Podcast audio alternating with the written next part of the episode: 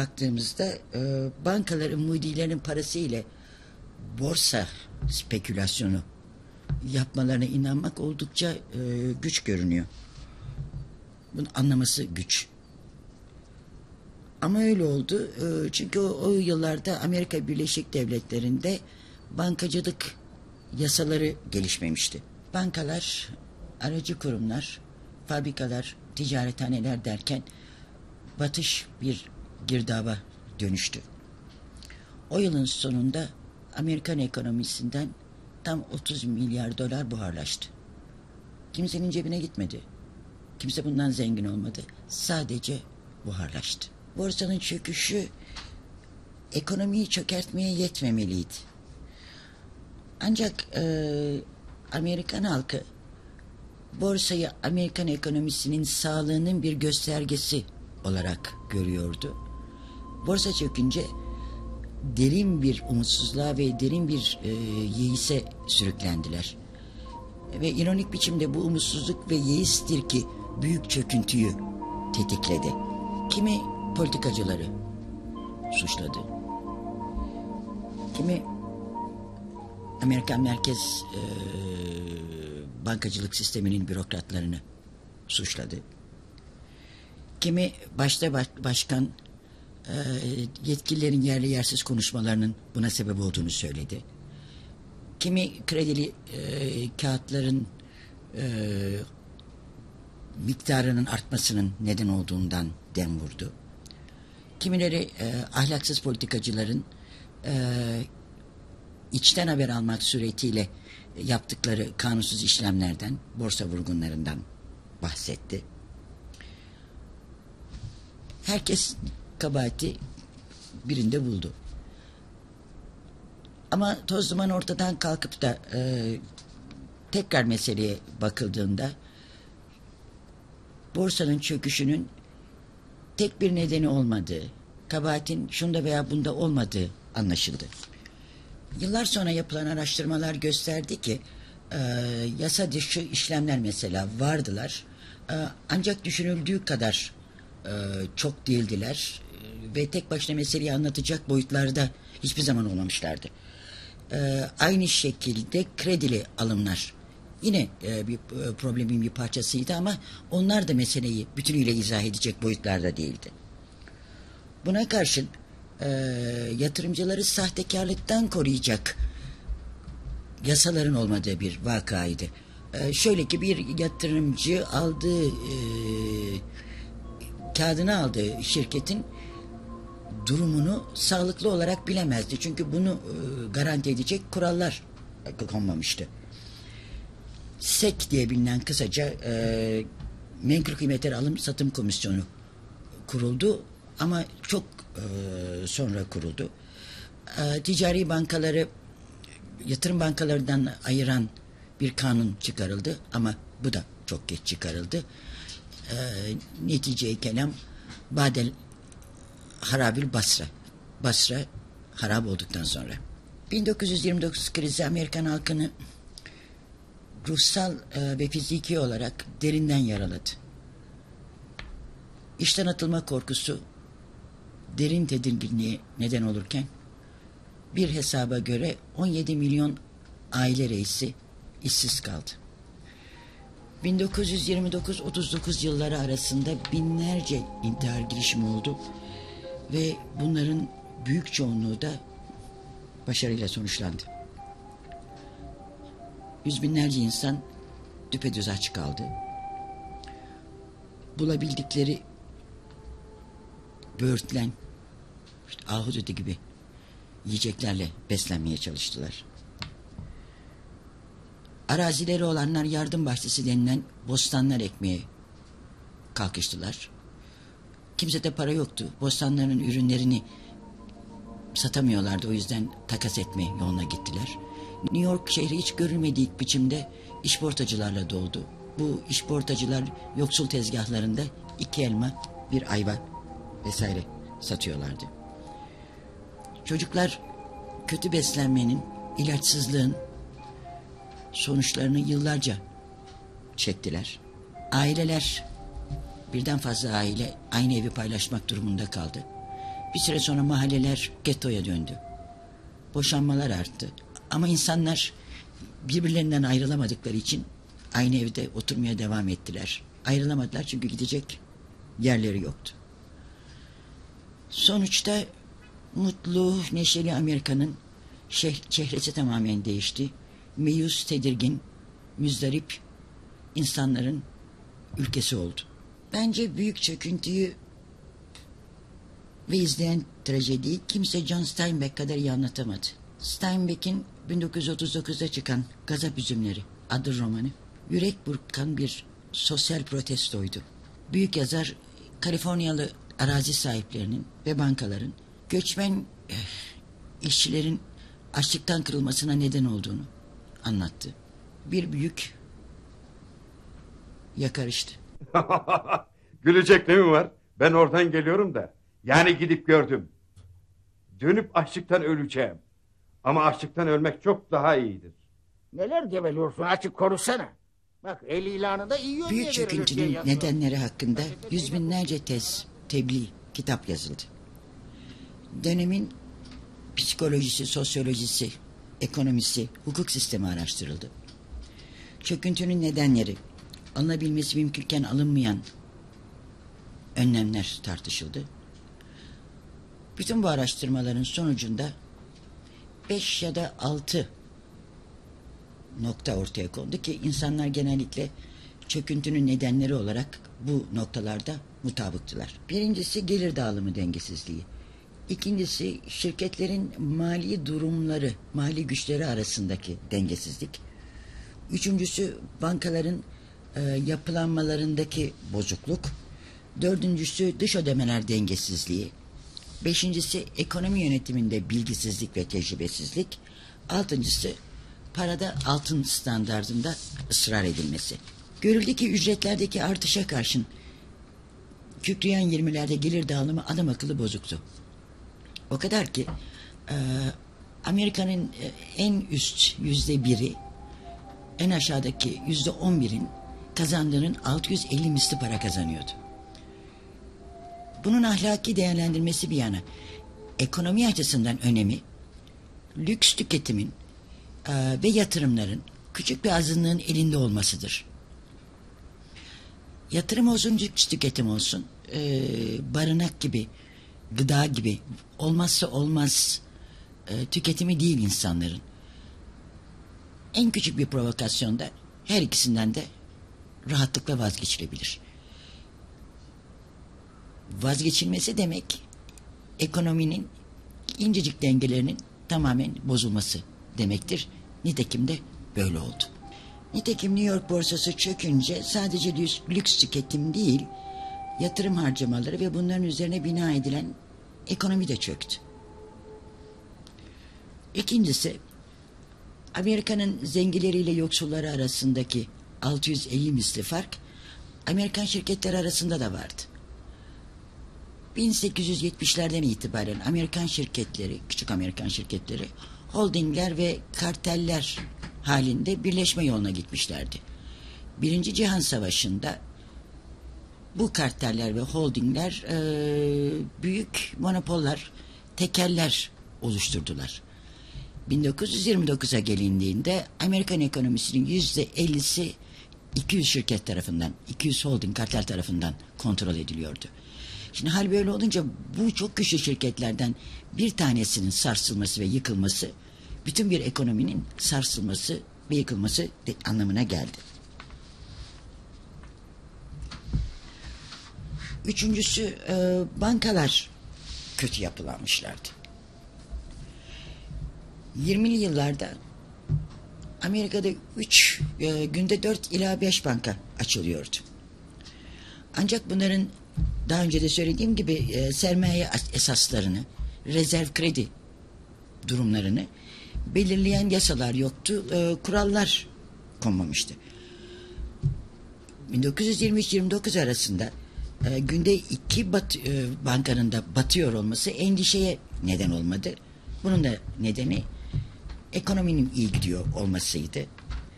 Ama ne zaman ki işler bozuldu, banka iflasları bir vakayı adi olarak görülmemek durumunda kaldı.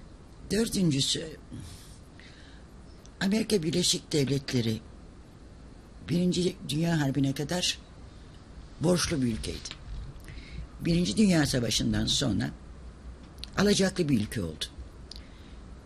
Savaşın hem mağlupları hem de galiplerinin Amerika'ya borcu vardı.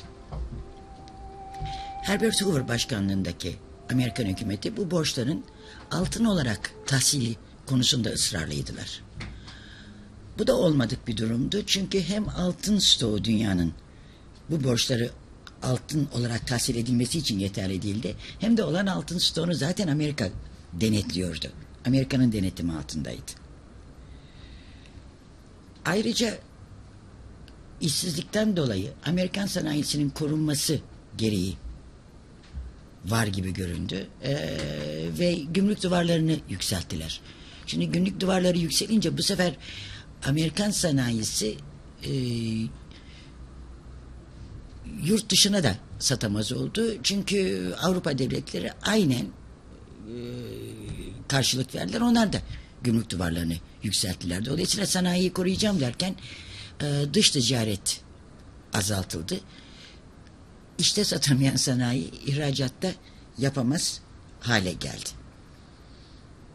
Böylece Amerika e, ne borçlarını tahsil edebiliyordu ne de ihracat yapıp döviz altın her neyse kazanabiliyordu. Beşincisi ekonomi yönetimindeki, e, tecrübesizlik ve bilgisizlik. Amerikan siyasilerinin ve ekonomistlerinin e, büyük çoğunluğu liberal ekonominin olası ekonomik sistemlerin en iyisi olduğuna inanırlardı. Lezefer, müdahale etmeyin rahat bırakın. Politikasını benimsemişlerdi. Ancak 1929 krizi ekonominin kendi iç dinamikleriyle kendisini düzeltmesi için beklemenin çok ağır sonuçları olabileceğini net olarak gösterdi. Başkan Hoover e, hiç müdahale etmedi değil, müdahale etti. Ama e, müdahale ettiğinde hem bir, tak, bir takım işler için çok geç kalınmıştı hem de nereye nasıl e, müdahale edeceği konusunda tecrübesiz olduğu için ciddi yanlışlıklar yaptı. Ee, örneğin e, o dönemin iktisat anlayışı icabı denk bütçe yüceltti ve büt, bütçenin denk tutulması gerektiğine karar verdi. E, denk bütçe demek e, vergilerin artırılması ve harcamaların kısılması demektir. Şimdi böyle bir durumda vergileri arttırıp harcamaları da kısarsanız e, o zaman zaten depresyonda çöküntüde olan ekonomiyi büsbütün cendere altına alıyorsunuz demektir. Öyle oldu. İşsizlik tekrar yükseldi. İşsizlik yükselince insanların satın alma gücü doğal olarak düştü. Satın alma gücü düşünce e, mallar ortada kaldı. Mallar ortada kalınca fiyatlar tekrar indi. E, Herbert Hoover e, iş adamlarından e, daha az karlara razı olmalarını, işçi çıkarmamalarını rica etti. İş adamlarının buna bir itiraz yoktu ama e, yapamadılar. E, çünkü malları satılmıyordu. E, malları satılmadığı zaman da üretime devam etmelerine e, imkan yoktu. Amerikan e, hükümetinin bu dönemdeki e, tecrübesizlikten kaynanan, kaynaklanan yanlış icraatından e, bir tanesi de altın esasında kalmakta ısrar etmesidir. Şimdi altın esası e, dediğimiz kağıt paranın belirli bir değerinin karşısına konulan belirli bir miktar altındır. Öyle ki e, cebinde, cebinizde şu kadar kağıt paranız varsa e, her an bununla o miktarda altını değiştirebileceğiniz devlet garantisi altındadır. Şimdi ulusal ekonomi bağlamında bu uygulama hazinede ne kadar altın varsa piyasada o kadar para olacak. Tedavülde o kadar para olacak anlamına gelir. Bir tür sıkı para politikasıdır. Amerikan hükümeti dönemin Amerikan hükümeti e, altına bağlı e, para politikasını değiştirmeyi reddetti. Para basmak istemedi. E, para basmanın e, paranın değerini düşüreceği şeklinde e, ortodoks bir inanç içerisindeydi. Sonuçta bu sıkı para politikası reel sektörün e, üretimini arttırmasını da engelledi ve ekonomiyi büsbütün dar bir boğaza soktu.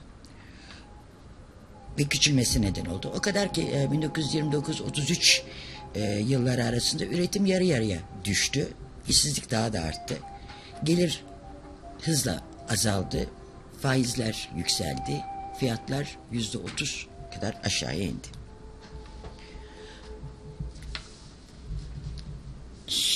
Şimdi e, bugün buradan bakınca görülüyor ki Başkan Hoover'ın yapacağı en iyi iş altın esasından vazgeçmesiymiş. Para arzını arttırsaymış piyasaları herhalde rahatlatacakmış. Ekonomi canlanabilecekmiş. Ama bilemedi. Dediğim gibi ne zamanının e, siyasilerinin e, ne de ekonomistlerinin bu işlerde yeterli deneyimi vardı. Krizin Amerika'nın ekonomik yapılanmasından, yapılanma biçiminden e, kaynaklandığını göremediler. Göremedikleri içindir ki gümrük duvarlarıyla Amerika'yı, Amerikan sanayini koruma yoluna gittiler. Az önce yine söylediğim gibi Avrupa aynen karşılık verdiği zaman da e, yapılan iş ürküttükleri kurbağaya değmedi. Ve sonuçta e, ticaret adam akıllı küçüldü. Hoover'dan sonra başa gelen Franklin D. Roosevelt farklı bir kişilikti. Bir kere dindar bir adamdı. Zenginle fakirin arasındaki uçurumdan rahatsızdı. Bir şeylerin mutlaka değişmesi gerektiğini düşünüyordu. Pragmatikti. Değişimden ürkmüyordu. Dahası e, farklı çözümleri denemekten ürkmüyordu.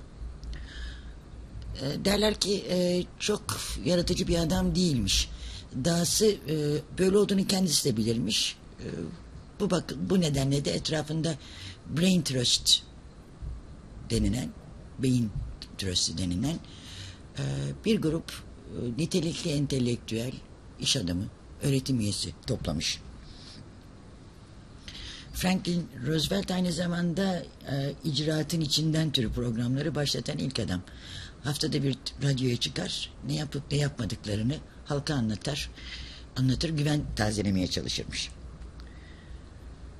Roosevelt iktidara 1932'de oyların yüzde 57.4'ünü alarak geldi. Bu tabii halkın büyük güvenini gösteriyor kendisine. Ee, geldikten sonra da e, ilk 100 günde ekonomiyi canlandıracak, e, istihdamı artıracak e, bir dizi önlem getirdi. Bir paket adeta ortaya koydu. Bu pakete, bu programa New Deal denildi. New Deal e, kartları yeniden dağıtmak anlamındadır. Karmak ve yeniden dağıtmak. İyi bir isimdi.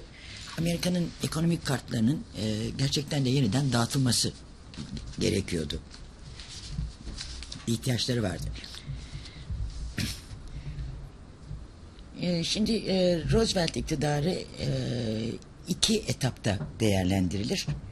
Bunlardan e, birincisi e, 1933-1935 yılları arasında e, dikkatlerin işsizlik sorununu çözmeye e, yöneldiği ilk 100 gün diye bilinen et, dönemdir. İlk 100 gün veya birinci New Deal. İkincisi 35-37 yapısal reformların gerçekleştirmeye çalışıldığı dönem. Buna da ikinci yüzyıl veya ikinci New Deal denir. İlk e, yüz e, günün ilk icraatı hükümetin e, bank hükümete bankaları denetleme hakkı veren acil bankacılık yasasının çıkarılması oldu. Yasanın hemen ardından e, bir bankalar tatili ortaya çıkarıldı. Bankalar tatili denen bu sözde tatil bankaları gerçekten de tatile gönderdi. Yaklaşık 10 gün süreyle. Bankalar kapandı, bankacılar tatile gittiler ve e, federal hesap uzmanları bu kapanan bankalara daldı. Hesapları teker teker incelediler. 10 gün geçip de bankalar tatil geri bittiğinde bu bankaların yüzde otuzunun açılmadığı görüldü. Ee, hesap uzmanları e, sağlıksız olduklarına karar vermişlerdi. Aynı günlerde kurulan mevduat sigorta şirketi 5000 dolara kadar olan mevduatın devlet güvencesi altına aldı. Böylece e, bankalara duyulan güvensizliğin e, ortadan kalkması sağlandı. Daha sonra e, 1933-34 yıllarında çıkarılan iki yasa ile borsaya bu sefer ayrıntılı kurallar getirildi. Federal Menkul Kıymetler Yasası ve Federal Menkul Kıymetler Alım Satım Komisyonu hisse senetlerine ilgili e, tüm bilgileri açıklanması gerektiği şeklinde bir e, karar aldılar. Dolayısıyla borsa bir tür zaptı rapt altına alındı. Kredili hisse senetlerine de yine kısıtlamalar getirildi.